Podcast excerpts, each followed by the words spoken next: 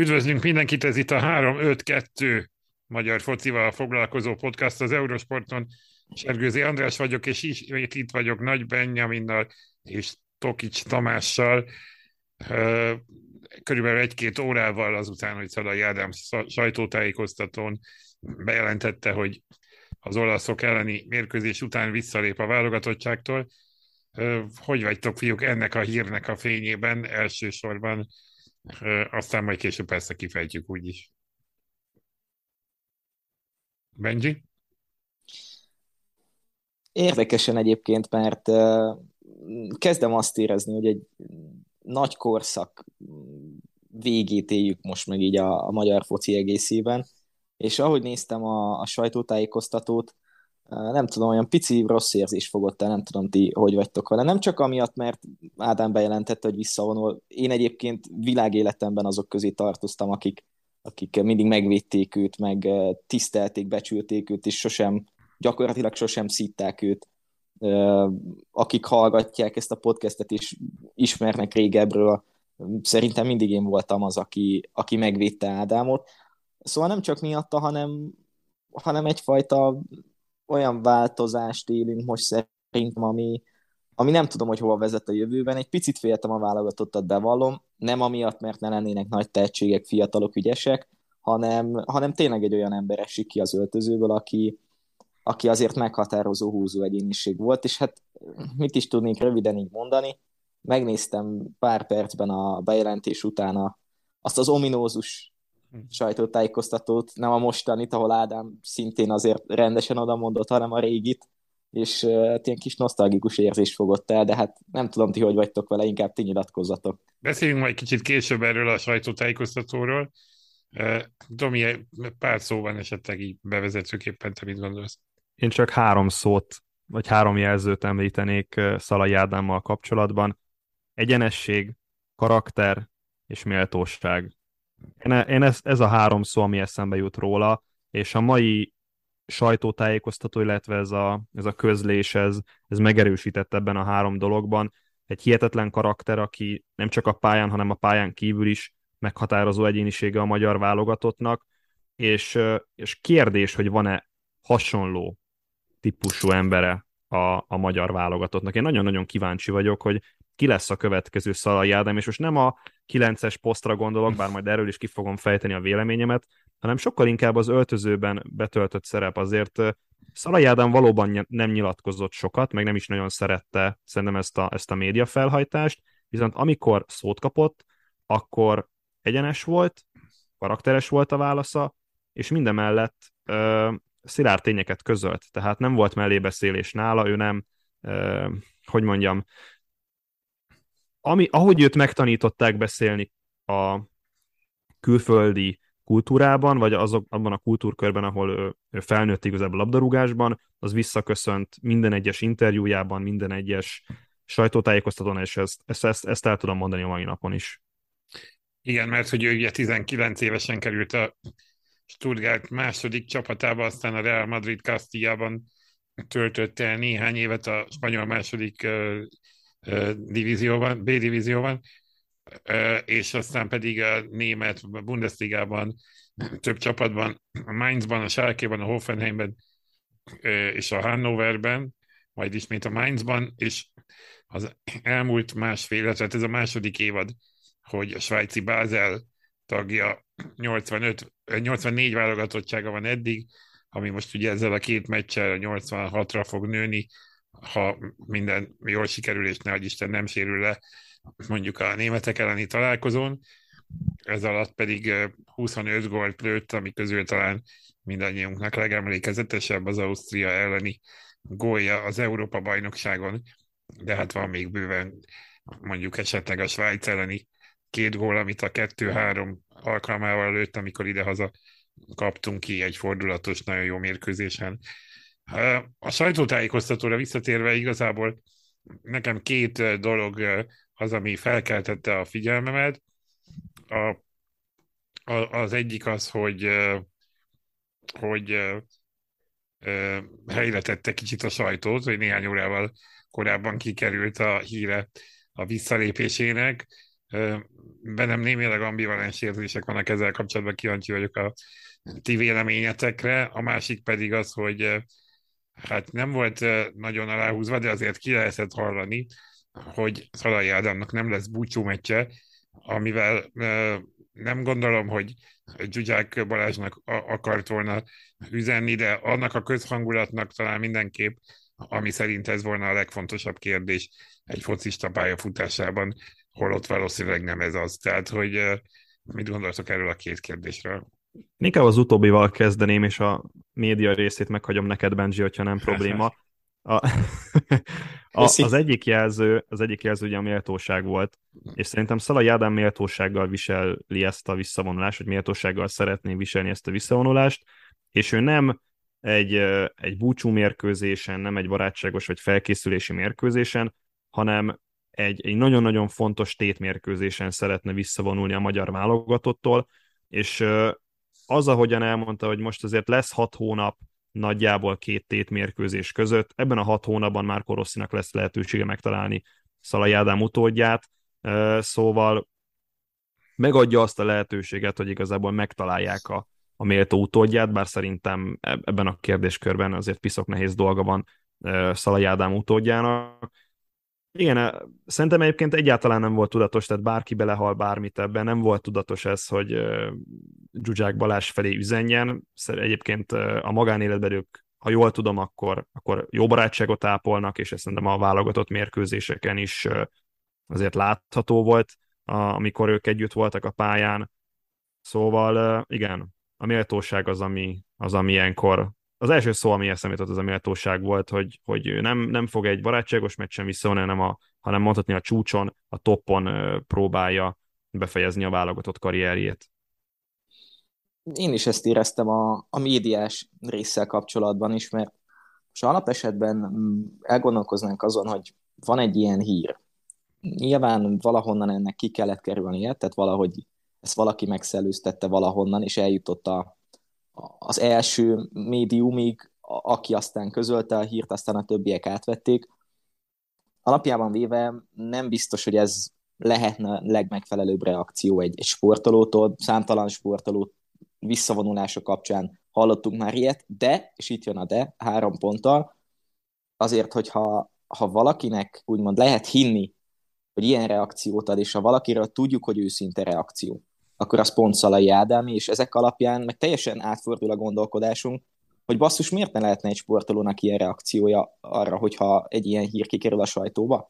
Tehát, hogy tényleg az a helyzet, hogy, hogy szerintem ez egy teljesen normális emberi megnyilvánulás volt. Engem is ugyanígy kiakasztott volna az, hogyha ha kikerült volna egy ilyen, egy ilyen téma. Ráadásul pláne úgy, hogy azért, aki nézte a sajtótájékoztatót, látta, hogy hogy erősen küzdött, küzdött a könnyeivel, és uh, szerintem ki is jöttek volna azok a könnyek, hogyha, hogyha nem egy ilyen antréval kell kezdeni az egészet. Um, és, és gyakorlatilag a pillanat varázsa beszette el ezáltal, úgyhogy abszolút, abszolút egyetértek vele.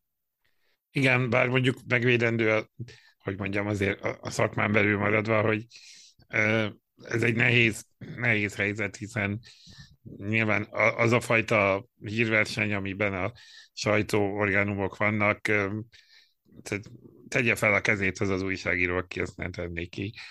Mind a mellett, hogy emberileg értem, és abszolút egyet is értek. Mint ember, ha létezik ilyen egyetértek Szalai Ádámmal, mint újságíró azért megértem azt, aki ilyenkor azt mondja, hogy tegyük ki. Szóval szerintem ebben benne van ez a kettőség. De ha már egyenes, egyenes beszéd és karakánság, azért van még egy-két percünk ebben a blogban, emlékezzünk kicsit vissza erre a 2013-as beszédre, ugye akinek nem volt, ne volna meg a 8-1-es katasztrofális Hollandia elleni vereség után másnap vagy egy-két nappal később állt ki a sajtó elé, és beszélt arról Szalai Ádám, hogy hamis képet látunk magunk előtt a magyar focival kapcsolatban, hiszen nincsen egy olyan topligás játékosunk sem, talán ő rajta kívül az akkori keretben, nincs olyan tehetség az elmúlt húsz évben, és ami a legrosszabb, ahogy ő mondta, nincsen egy topligás edző, egy olyan edző, aki komoly szinten le tudott volna tenni valamit, akkor aztán azért Dárdai Pál azért egy, egy-két évvel később igen. De tí, lassan tíz év távlatából végignézve az elmúlt tíz év magyar fociát, hogyan értékelitek ezt a beszédet? Lehet, hogy sorsfordító volt, vagy talán egy másik irányba indult el a magyar labdarúgás. Lehet ezt így is felfogni. Szalai Ádám beszéde szerintem sok, sok szurkolóban felébresztette azt, a, azt, a, azt az alvó oroszlánt, hogy huha, itt azért át verve egy kicsit, vagy nem úgy lettek kommunikálva a problémák, és egyébként a sajtótájékoztatón ugyanazon a kérdésekből el lehetett azért jutni oda, hogy nagyjából a magyar sportmédia az eh, milyen szinten kedvelte akkor a magyar válogatottat, hogy, hogy, hogy nem tudom, olyan, olyan, olyan párhuzamot vontak, hogy most akkor Andorrát, nem tudom, még Andorra is csak négyet kapott Hollandiától, akkor most Andorra jobb lenne, mint Magyarország az eredmények alapján, na mindegy.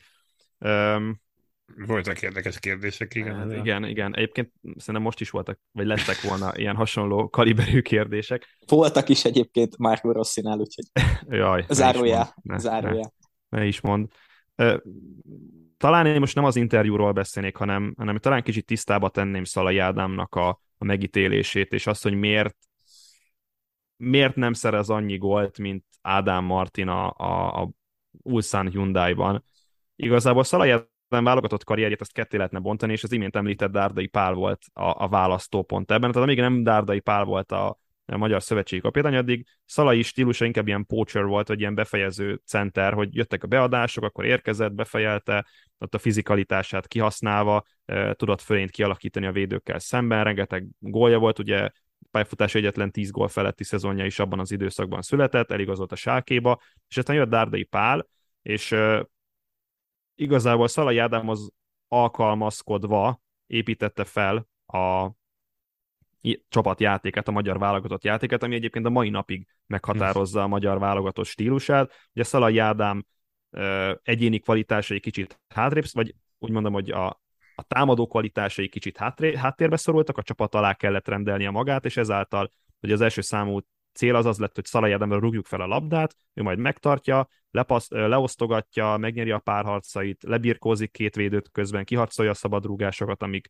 amikből a magyar válogatott az elmúlt időszakban rengeteg gólt szerzett, úgyhogy megváltozott a stílusa, megváltozott a szerepköre, és én egyébként ehhez csatolnám azt, hogy Szalai Ádám egyébként nemzetközi szintű játékos tudott lenni 33 éves koráig topligában tudott játszani, és ezt részben Dárdai Pálnak köszönheti, mert szerintem, hogyha nem változik meg a stílusa, vagy nem fedezik fel ezt a fajta képességét, akkor Szalai Ádám lehet, hogy nem fut be ilyen karriert, vagy nem tud ennyi ideig a, a top futballnál maradni.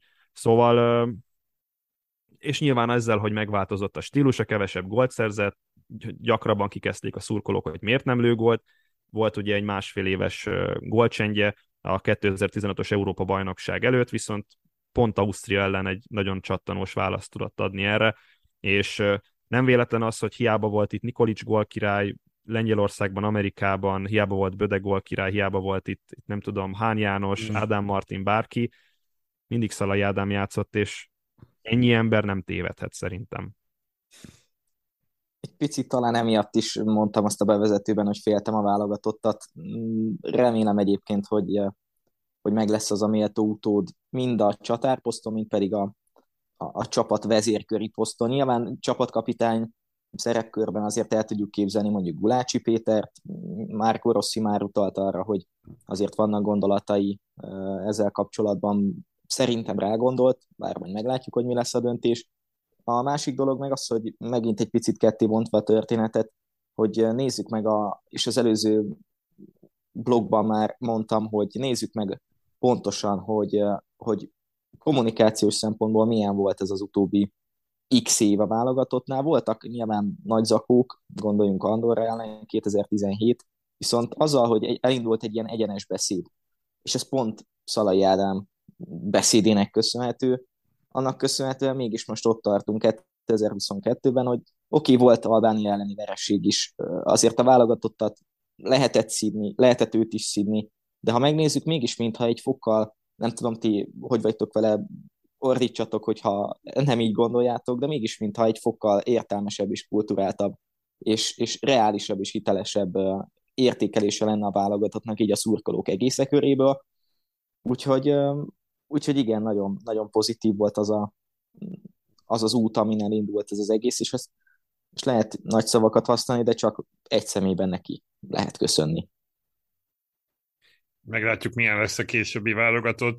Valóban akár az is kérdés, hogy ez a szerkezet megmarad-e, vagy változott-e annyit az összetétel, hogy ebben lehessen változtatni. Sok-sok téma volna még itt ebben, de mennünk kell tovább, hiszen pénteken kerül ki ez az adás, tehát mondhatjuk, hogy aznap este folytatódik a Nemzetek Ligája, amiben Németországba utazik a válogatott, egészen pontosan Lipcsébe. Négy forduló vagyunk túl, ugye júniusban játszott négy mérkőzést a válogatott, két győzelem, egy döntetlen és egy vereség a magyarok mérlege, ezzel vezetjük a csoportot, ami azt is jelenti, hogy ha egyetlen pontot szerzünk akár Németországban, akár az olaszok elleni hazai meccsen, akkor biztosan megvan a bentmaradás, mm, ami az, a, az előzetes elképzelésekhez képest óriási siker.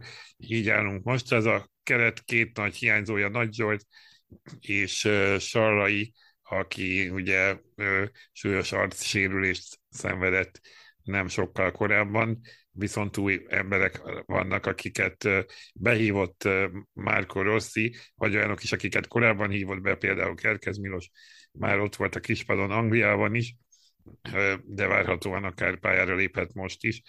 Mm, hogy látjátok, körülbelül milyen változtatásokkal, milyen főbb sarkalatos kérdésekkel állhatunk ki erre a két meccsre, és kezdjük most akkor a német-magyarral jól összefoglaltad, hogy melyik, vagy melyik két dolog a legnagyobb problémája Márko Rosszinak, ugye Nagy Zsolt pótlás, illetve Sallai Roland pótlása.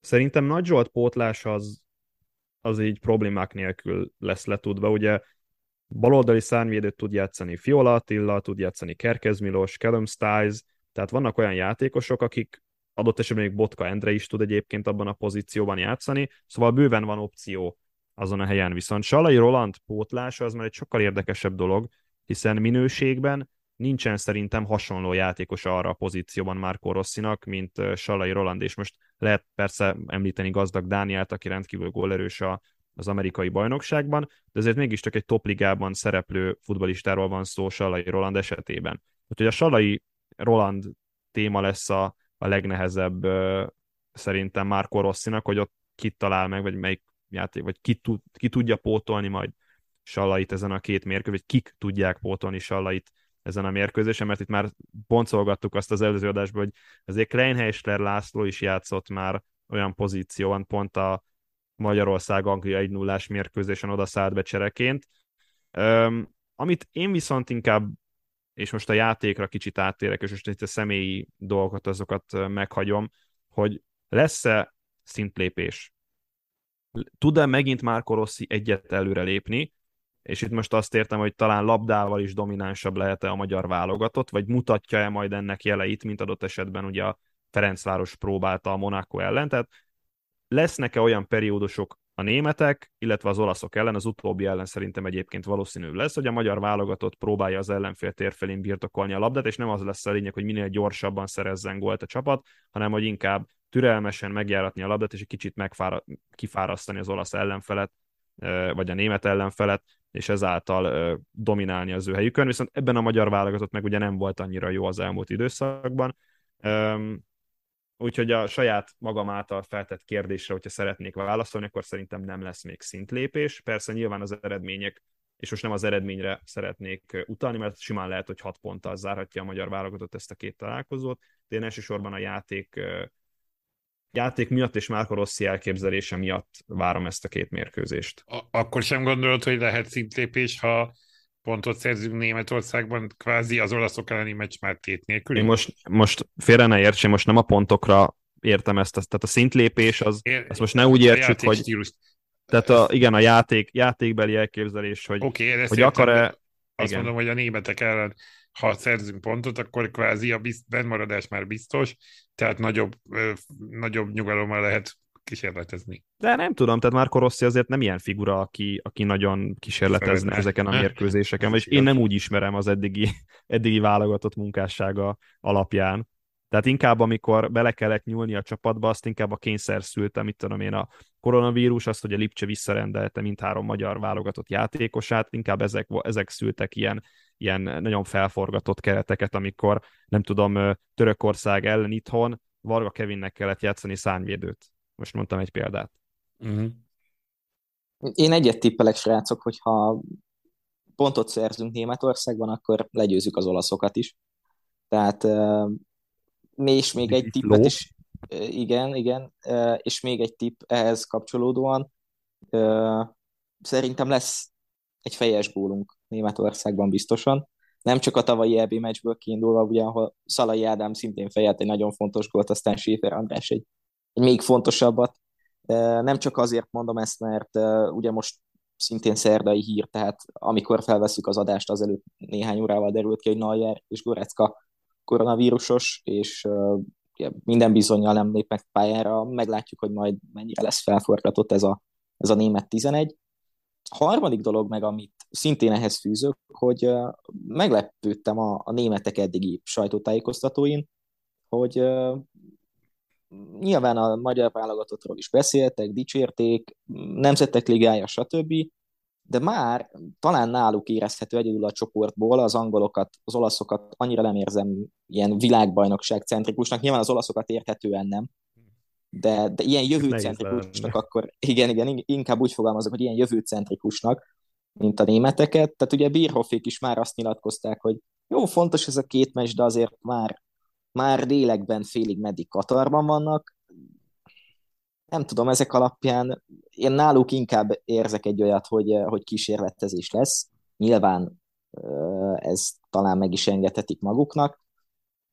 Ebből a szempontból megint bejön az az érdekes kérdés, amit beszéltünk, hogy akkor a Nemzetek Ligáját hova lehet pozícionálni. Viszont minden előjárt egybevéve, hogy ilyen tippes választál maradjak neked, Andris, én azt mondom, hogy, hogy, hogy pontot szerzünk. És nem, nem a szurkoló mondatja ezt belőlem, hanem egyszerűen a közelmúltból kiindulva ez már lehet realitás ebben a helyzetben. Igen, hát a... ja, úgy Julian Brandt sem fog játszani, ő nem covidos, csak, csak beteg, de hogy illetve hát most jelenlegi állás szerint aztán persze két nap még, még sok minden lehet. Mit akartál mondani, Tomi?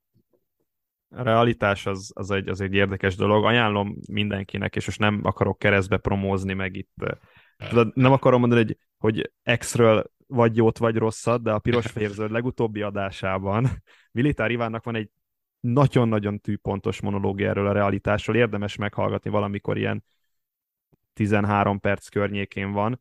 A másik, amit mondtál, Benji, az, az ugye a kísérletezés. És erre akartam kitérni a német válogatottal kapcsolatban, hogy amikor kísérletezésről van szó, a németek az elmúlt mérkőzéseken azért váltogatták ezt a három belső védős vagy négy védős rendszert, és amikor három védővel játszottak, akkor nem igazán volt átütő a csapat, vagy azt mondom, hogy inkább akadozott ez a gépezet, és például, hogy a magyar válogatott ellen Budapesten három védővel játszottak. Majd pár nappal később az olaszokat úgy verték meg 5-2-re, hogy újra négy védővel játszottak, és ebben az évben hat mérkőzésen négyszer, ját, négyszer játszottak három védővel, mind a négy mérkőzés döntetlen lett, kétszer pedig három védőt, vagy négy védőt mondtam. Négy. Négy? Akkor bocsánat, három védővel játszottak négyszer, és mind a négy meccs döntetlen lett, és négy védővel játszottak kétszer, azt pedig mind a kétszer megnyerték. Tehát az, hogy Katarban mi lehet nekik majd a, az előre mutatóbb, az nagyrészt azért múlik ezen a két mérkőzésen Magyarország és Anglia ellen. Szóval a kísérletezésnek szerintem olyan fázisában lesznek, amikor azért már a véglegességet kellene valahogyan véghez vinni.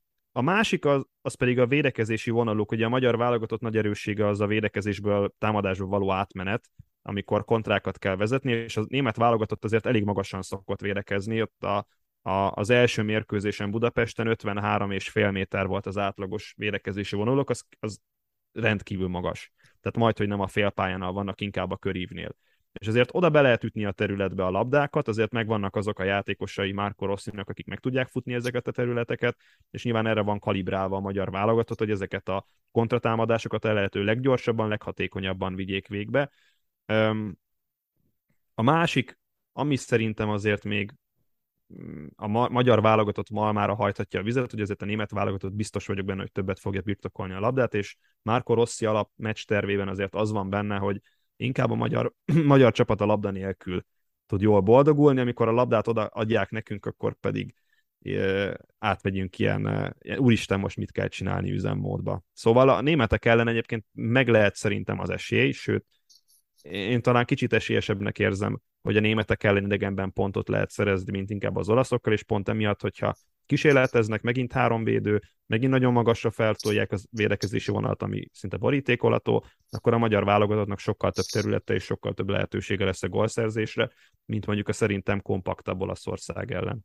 Abszolút. Főleg, hogy a németek elleni itthoni meccsen többet volt az ellenfélnél a labda, mint az olaszországi magyar, tehát az olasz-magyaron. Uh, nyilván ez a két csapatnak a stílusából is adódik. Még beszéljünk még arról a német meccs kapcsán, hogy Lipcsében lesz, ami ugye három magyar uh, játékosnak a, az otthona, három válogatottnak az otthona. Ez uh, nem tudom, erről ti olvastatok-e, tudtok-e valamit erről, vagy beszélünk erről, hogy ennek mi lehet az, az oka, ami egyfajta ilyen gesztusnak tűnik a, a, a részemről, holott azért ilyet ritkán, ritkán látunk, bár nincs erről nyilvántartások. Lehet, hogy máskor is előfordult, csak nekem nem tűnt fel. Ez, ez nyilván előny is lehet, hogy a három magyarnak kvázi hazai pálya. Igen, érdekes egyébként, hogy hogyha megnézzük, akkor uh, Lipcse a német futballrajongók uh, szívében vajon milyen helyszínt vagy helyet foglal el. Hát mindig érdekes kérdés egyébként, és, és jó lenne megkérdezni, vagy jó lenne egy ilyen vizsgálatot csinálni. Lehet, hogyha egyszer sok időnk lesz, akkor tartunk egy ilyen 3-5-2 külön kiadást arról, hogy a, a válogatottban játszó játékosok közül, akik az adott klubcsapatuk otthonában léptek pályára egy idegenbeli válogatott mérkőzésen, ők egyrészt milyen számokat produkáltak, akár mint gól-gólpassz, akár mint, mint minden egyéb statisztikai mutató. Szerintem előny lehet egyébként, nem mondom azt, hogy, hogy, hogy ilyen hatalmas mentális plusz lehet, de azért, azért egy fokkal otthonosabban mozoghatnak, és az, hogyha és ez pont szintén az utóbbi hetek kapcsán, meg, meg a Lipcse edzőváltása kapcsán, mint klubcsapat, Szoboszta is nyilatkozta, hogy az edzésen azt kérték tőle a csapattársak, hogy, hogy lőjön bátrabban, lőjön edzéseken, lőjön meccseken bátrabban. Ha ez legalább annyit jelent, hogy ott lesz egy helyzete 20-21 méteren, és úgy gondolja, hogy oké, okay, egy fokkal most felszabadultabb vagyok, és rálövöm, akkor könnyen lehet, hogy ebből valami kis pozitívum származhat, egy-egy ilyen nüansz is eldönthet akár, akár egy meccset. Van-e még esetleg az olasz meccs kapcsán, amiről nem beszéltünk, talán a németről egy kicsit többet volt szó.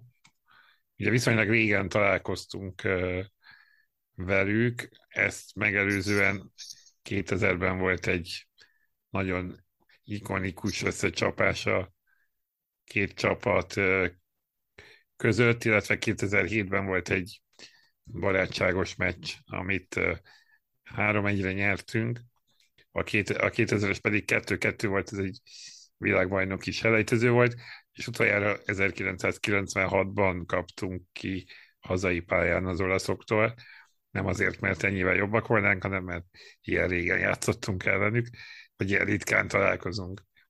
De ezt azért jó lenne, ha fent tudnánk tartani. Van ebben valami. No, ha, ha nincsen Igen, több, és e, e, egy dolog, igen. egy dolog. 2007 e, ugye a legutóbbi, egy picit ugye az a legendás 3-1-es meccs, hogyha egyszer beszéltünk már itt a, a nyár folyamán erről a Zete Milánról, és a, mondjuk a Zete bajnoki szereplése kapcsán, akkor lehet, hogy említsük meg ezt a 2007-es meccset is, tehát ha azokból az emlékekből élnek a szurkolók, akkor nem biztos, hogy most hiteles, meg reális úton vannak, de legyen egy ugyanilyen. Ugye akkor világbajnokként érkezett az olasz válogatott ide, most úgy, hogy közük nincs a világbajnoksághoz, köszönhetően Észak-Macedóniának, de de Európa de bajnokként jönnek. Most Európa hát bajnokként, bizony, igen. Bizony, bizony, bizony. Úgyhogy, úgyhogy érdekes történetek vannak itt a sorsban. De jó csapat volt ez, Buffon, Cannavaro, Materazzi, Zabrotta, Pirlo. Madonna koncert után volt, nem? És akkor mondta Cannavaro, hogy ilyen rossz minőségű pályán még soha nem futballozott, mint a, mint a Puskás Ferenc stadion gyepe. Én, én az olasz, olaszok elleni meccsről egyébként annyit szeretnék megjegyezni, hogy a, a júniusi meccsek közül, a négy mérkőzés közül ez, ennél volt a legmagasabb lab, labdabirtoklási aránya a magyar válogatottnak, Igen. Hát, és vereség lett belőle. Nyilván ez, ez, ez félig meddig azért kijöhetett annak, hogy Roberto Manciniék azért elég alaposan kielemezték a magyar válogatott hibapontjait, hogyha abból indulunk ki, hogy agresszívan, agresszíven pressingeltek, rögtön a mérkőzés elején letámadtak már, és ezzel ilyen kikényszerített hibák jöttek a, a magyar válogatott részéről. Emellett pedig tudták azt, hogy ki a legsebezhetőbb pont a magyar védelemben, Lang Ádám, úgyhogy a magyar válogatottnak a, a baloldalt kellett erőltetni, és ilyen baloldali túltöltés volt, hogy oda akkor ugye Vili Orbán, Szalai Attila, ott volt Nagy Zsolt, ott volt Séfer András, ott volt Szoboszlai, vagy Sallai, most már nem rémlik, hogy ki játszott akkor bal oldalon, és ott volt még Szalai Ádám. Tehát egy oldalra kellett tömörülni mindenkinek, és ez némileg azért volt, mert Lang Ádám használhatatlan volt a labdakihozataloknál. Igen ám, de most jön Botka Endre, aki viszont annál inkább használhatóbb, és ő azért magasabb pressing alatt is képes jó döntéseket hozni. Nekem élénken itt van a fantáziamon a Portugália ellen Európa bajnoki mérkőzés, amikor Botka Endre talán az egyik legjobbja volt a mezőnynek, és pont emiatt, hogy nagyon higgadt volt, és, és még a portugál nyomás ellenére is jó döntéseket tudott hozni. Ami még azért a magyar válogatott malmára hajtatja a vizet, hogy a, a, az olaszok, ha a védelmi vonalukat fentebb tolják, és ezáltal megint területeket hagynak maguk mögött, akkor ezért az imént németeknél is elmondott ö, okok miatt képes lehet a magyar válogatott több kontrát vezetni, és ezáltal nyilván több lehetősége is lesz a gólszerzésre majd. Úgy legyen, a proféta szóljon belőled. A következő adáson már okosabbak leszünk, túl leszünk mind a hat meccsen. Benne van az is, hogy jövőre a B-divízióban folytatjuk, benne van az is, hogy készülhetünk a Final Four-ra mondjuk e- erre sem, sincs azért olyan sok. Mind a kettőre ugyanakkor esély van Igen, szerintem. szerencsére mind a Igen, kettő. és, és tegyük hozzá, vajon mit csinál Szalai Ádám, hogyha bejutunk a Final Four-ba? Na igen. igen. Na, Akkor is, eh, szerintem van annyira Nem hiteles, meg annyira persze, szava. amúgy igen. Igen, mert ez csak a vicckedője. Ö, Úgyhogy ez a, ezek a verziók mindenképpen ott vannak, de valahol a kettő között, és akkor még arról nem is beszéltünk, hogy ez mit jelenthet a következő EB selejtező sorsolásnál, de majd ha oda jutunk, akkor erről is úgy is beszélünk. Mert hogy NB egyezünk egy kicsit, noha nincs forduló, hiszen a hétvégén kupameccsek voltak, amiket jól megtippeltünk, de szerettünk volna múlt héten kicsit NB egyet értékelni, akkor viszont elég sok témánk volt, így mára maradt, hogy az elmúlt nyolc fordulót kicsit összegezzük, ami ugye szembetűnő, hogy a Ferencváros ugyan két meccsel kevesebbet játszott, de ha ezt a két meccset megnyeri a Paks és az Elegeszeg ellen, amire azért van esély, mondjuk így, és akkor ez egy kicsit ennyi kifejezés volt, de a lényeg az, hogy akár 10 ponttal vezethetné 8 forduló után a bajnokságot, amit kimondani is megdöbbentő. A Freddy fölényéről esetleg érdemes beszélni, illetve arról, hogy milyen negatív és pozitív ö, meglepetések voltak az elmúlt nyolc fordulóban. Ti hova helyeznétek a csúcspontokat, a toppot és a floppot, ahogy a felvétel előtt beszéltük? Betonhoffi után szabadon. Um, a Fradi előnyére, vagy Fradi fölényéről annyit, hogy amikor egy amikor egy klubnál, vagy, vagy nem is így kezdem, tehát amikor a riválisok nem tudnak élni a lehetőséggel, az megerősíti azokat a csapatokat, amelyek ugye vezetik a bajnokságot, és, és adott esetben kontrollálják a, a bajnokságot. Na most a Ferencváros nem adott azért idén sok hiba lehetőséget, és én ezt állítottam a szezon előtt, hogy kevesebb hiba lehetőség, vagy hibázási na, kevesebbet fog hibázni a Ferencváros, és kevesebb pontot fog engedni az ellenfeleknek, ezáltal nyilván a riválisoknak valahogyan tartaniuk kell magukat, és elsősorban úgy tarthatják magukat, hogyha képesek megnyerni a mérkőzéseiket. Na most a Kisvárda ilyen, ilyen felemásan kezdte azért a szezont, hiszen rögtön volt egy debreceni pontvesztés, ami azért megalapozta azt. Hiába volt sikeres a nemzetközi szereplés, szerintem a, a, a Kisvárda mind a keret minősége miatt, mind pedig az ilyen kisebb botlások miatt nem tud kihívója lenni a Ferencvárosnak.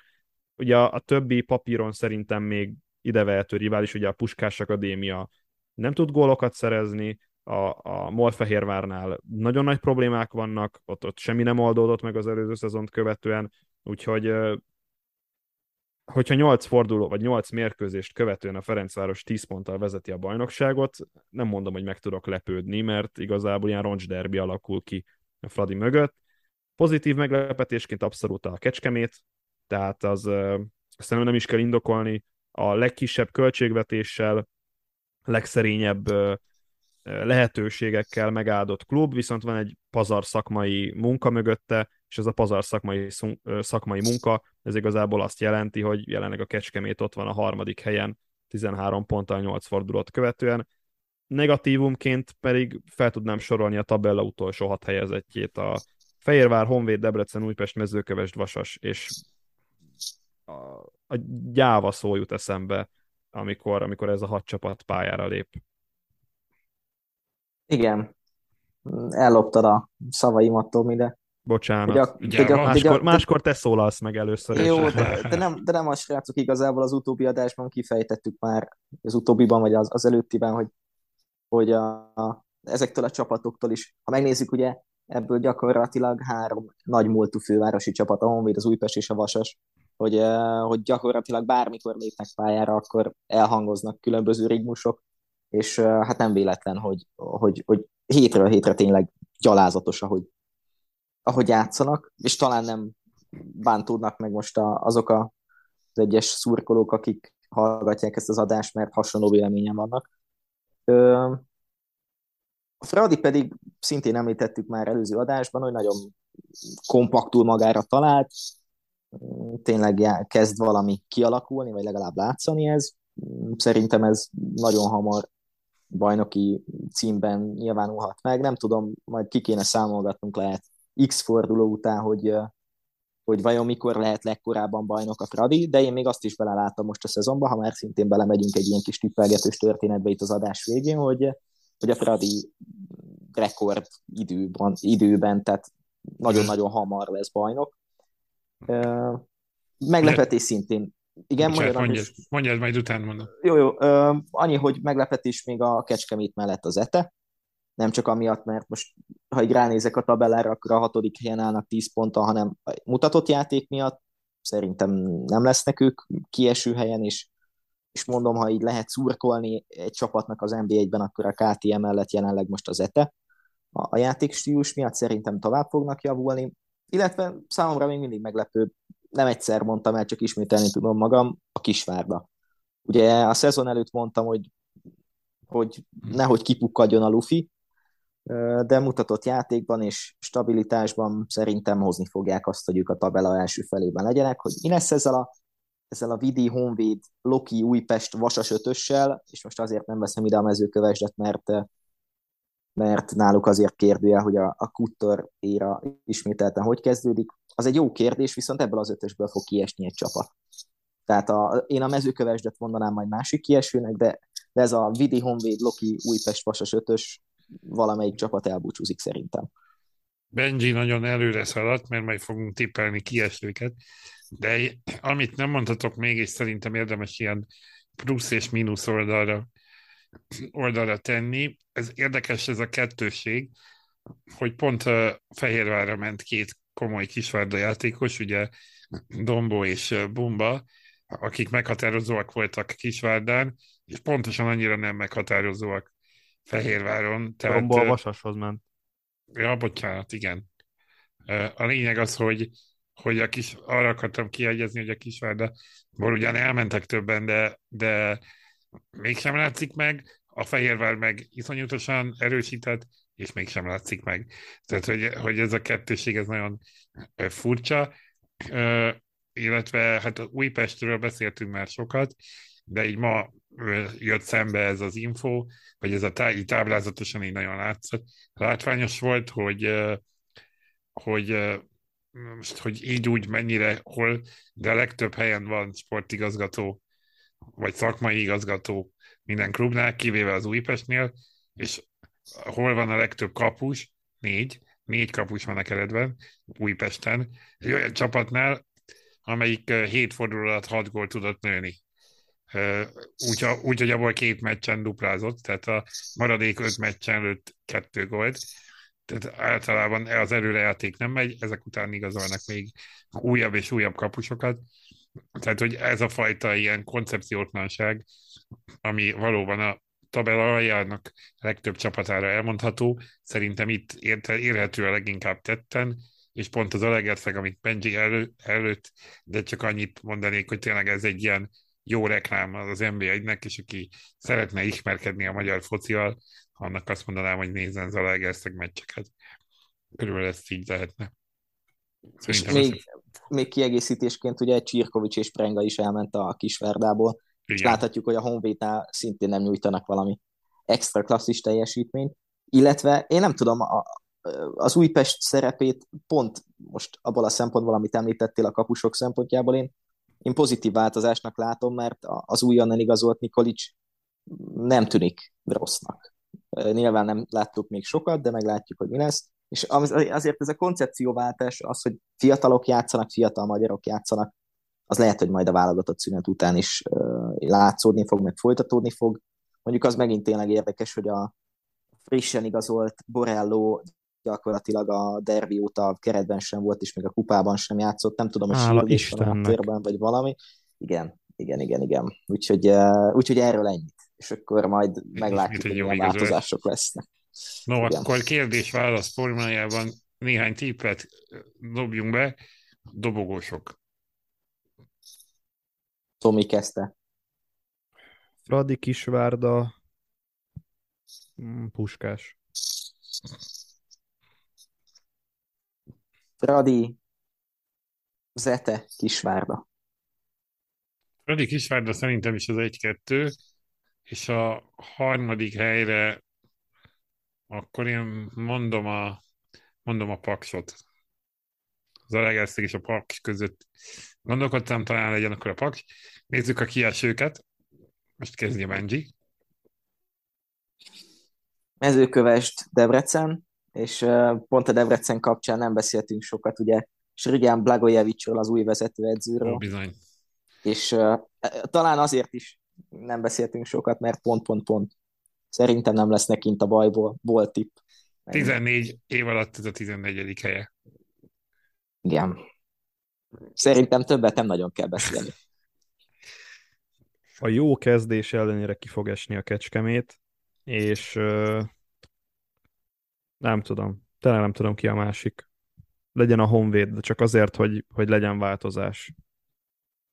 Jó, én pedig azt mondom, hogy Újpest és mezőkövest. Az Újpestet idén utoléri a végzet. Uh, gól király? Hát, én, én betippelem uh, talán Adama Traorét, de csak akkor, hogyha nem viszik el. Ha nem viszik el. Igen. Én kitartok Kodró mellett. Oké, okay, én pedig akkor mondom Kamályt a Kisvárdából. Akkor ez azt jelenti, hogy három régiós, tehát megszűnik az elmúlt évek trendje, hogy magyar lesz a magyar gólkirály. Aztán Meglátjuk. Varga Barnabás. Varga igen. Barnabás még befuthat, igen, a pak, a pak színeiben. Végezetül így zárásként azt gondoltuk, hogy az elmúlt nyolc forduló alapján fölállítunk egy, egy best of 11-et, mindhárman hoztunk egy-egy csapatot. Én azt gondolom, hogy menjünk posztról posztra. Nem tudom, hogy van-e nektek felállásotok. Én egy kicsit kizofrén módon 4-4-2-ben álltam fel, de, de Rendbontó. Vannak-e, vannak-e más elképzelések? Simeone az edző? A lényeg az, hogy, hogy menjünk posztról posztra talán, és akkor ki ahány, ahány játékost az adott sorban beállított, azokat elmondja röviden. Én a kapuba kicsit megelőlegezve a bizalmat Heinrich Ottót tettem a Kisvárdából. Egy fiatal, talán eddig még nem hozta azt, amit várnak tőle, de a bajnokikon mindig ő véd, ugye, ugye meg volt hozva bajnoki per európai kupameccsek, és Hindrich kapta a, a bajnoki meccseket, de edzésben van 20 évesen, arról beszélnek, hogy majd egyszer döntenie kell a magyar és a, román válogatottság között, hát tartsunk ott, hogy ez kérdés legyen, de azért szerintem ő bele lehet látni valamit. Ő azért részben azért játszik, mert, mert a Kisvárda így tud szerezni pontokat a, a fiatal szabály miatt. Az én kapusom Varga Bence a Kecskemédből hétről hétre iszonyatosan nagy bravúrokat hoz, és, és több olyan mérkőzés volt, amikor Kecskemét azért nagy részt Varga Bencének köszönette, hogy pontot-pontokat tudott gyűjteni. Én kapusom pedig Damien Patrick. Oh, aki, akinek, akinek ugye az Zalaegerszeg kapusa, akinek azért elég jó, nyolc meccse volt, és, vagy hét meccse volt egészen pontosan, itt a bajnokok, bajnokikat nézzük, és akinek ugye már egy válogatott tagságot, mint harmadik számú kapus megelőlegeztünk. Valóban, ez viszont még egyelőre nincsen. Nézzük a védelmet, akkor kezdem megint én. Én a bal szélre tettem Csivicset, a Frediból. Jó, a középső, két belső védő Batik Bence, aki ugye a Puskásból, vagy illetve a Honvédból érkezett a Puskásba viharos körülmények között, és ott úgy néz ki, hogy megtalálta a helyét. Szabó Alex a, a harmadik, vagyis a másik belső védő, és Barát Botondot tettem jobb szélre. Mm, sokat gondolkoztam a jobb szélen, de nem nagyon találtam jót. Nem tudom nálatok, hogy áll föl. De pont a barátbot itt találtad, nem viccelj. Loik Négo közben mi, milyen poszton futballozhat? Loik Né... Nálam Loik Négo a jobb hátvéd, Szemi Mái, illetve Berényesi Csaba a két belső védő, és Szabó János a bal hátvéd amúgy megvédve téged, Andris, hogyha két játékos ki kéne emelni ebből a vasasból, akkor Hollander, Filip és Barát Botond úgy, ahogy mondjuk a hozzáállás tekintetében. Én három védőre gondoltam, és egy picit megbontva a formációt, Gergényi Bencit raknám egyik védőnek. Tudom, hogy nem feltétlen ez a posztja, vagy mondjuk ha belső védőként kéne játszani, akkor nem feltétlen lenne így. Gergényi Bencére gondoltam, Batik Bencére szintén, és Sami Mai a harmadik. Gondolkoztam yes. Kovács Evicsen srácok, de, de nem tippeltem be. Úgyhogy, eh, úgyhogy Gergényi, Sami Mai és Batik. Jó, nézzük a középpályát. Én uh, Lajdunit tettem védekező középpályásnak. Uh, Pap Kristófot uh, szintén körülbelül. Előre pedig inkább Tajtit, és Tajtit ugye az Alegerszekből, és Makovskit a Kisvárdából, aki az előrejátékban eléggé sokat besegít gólokkal, gólpasszokkal is. Igen, nálam, nálam igen, az alapfelás az 4-2-3-1, két szűrő az Makovski, illetve Vécsei, három támadó középpályáson pedig jobbról balra Traoré, Kamai és Gergényi. Nagyon szép. Én egy picit ilyen rendbontó formációként négy középpályásra gondoltam, és majd azért, hogy a támadók szempontjából is jusson hely, a belső középpályára Lajdunit és Banó Szabó Bencét raktam, hogyha a Kecskemétből valakit ki kell emelni, akkor az Banó Szabó mindenképpen. A jobb szélre tettem Adama Traorét, de majd elmondom a támadó poszton, hogy miért pont őt, és a bal szélre pedig Korbu Máriuszt. Nagyon hogyha puskásból, hogyha, hogyha puskásból kellene kiemelni játékosokat, akkor, akkor talán Korbut és Batikot lehetne. És máshol nem is gondolkoztam, hogy nem is jutott eszembe. Uh, igen, csatárba pedig kettőt, én csatárba tettem Traorét, és hát Kamáit, mint leendő gól királyt. A másik. Az én csatárom Eduviu Ikoba. Remélem jól mondtam a nevét. Bizony. Nálam is uh, Ikoba az egyik, és a két idézőjeles támogató csatár Hollander Filip, látjátok, nálam is van vasas játékos, a másik pedig Kámája Kisvárdából. És akkor kimaradt itt, ha ránézek a góllövő listára, Kodró, Varga Barnabás, aki, aki egyébként bekerült volna, hogyha az utóbbi egy-két meccsen nem nyújt egy picit gyengébb teljesítményt, és kíváncsian várom, teszem hozzá, hogy majd Hán János vajon a tavaszi államcsapaton, vagy a, mit tudom én, a következő nyolc forduló után majd ott lehet-e. Azt nézem, hogy akkor ki az, aki duplázott? Batik duplázott, Sami Mai, uh, Gergényi, védekező között. Makovski duplázott, Traoré duplázott, vagy Kamai, melyiket? Vagy volt mindkettő? Kamai, Kamai, Kamai mind a háromnál benne volt. Igen, igen, akkor, akkor ő az abszolút győztesünk, igen.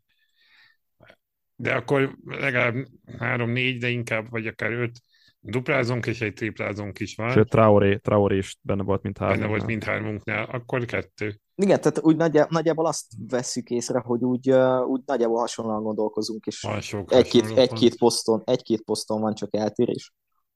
Annyira, annyira szerintem nem volt nehéz megszülni ezt a 11-et. Én nagyjából olyan 20 játékosra le tudtam volna szűkíteni ezt a listát. Igen, itt a csatárposzton volt elég nehéz. Ö, ott azért volt, volt mármint a, a bő választék miatt, ott azért volt, volt, volt bőven. Úgyhogy így állunk föl, 8 forduló után. Nekem még lenne egy kérdésem, srácok. Igen. Edző? Ó, tényleg, az edzőkről nem beszéltünk eddig. Szabó, Lász, Szabó István. Én Ricardo, már... Monis, Ricardo Monis mondom. Én is őt mondtam volna, és olyan nagyon jó szívvel másnak nem is tudnám adni, maximum talán még nem, Waltnernek sem. Én is Moniszt mondanám, akkor legyen ez duplázás. No, hát akkor végeztünk minden témával. Nem marad más hátra, mint megnézni a hétvégi nemzetek ligája meccseket, és jövő héten ugyanitt folytatni pénteken. Tartsatok velünk addig is, és olvassatok, és hallgassatok minket. Sziasztok! Sziasztok! Sziasztok!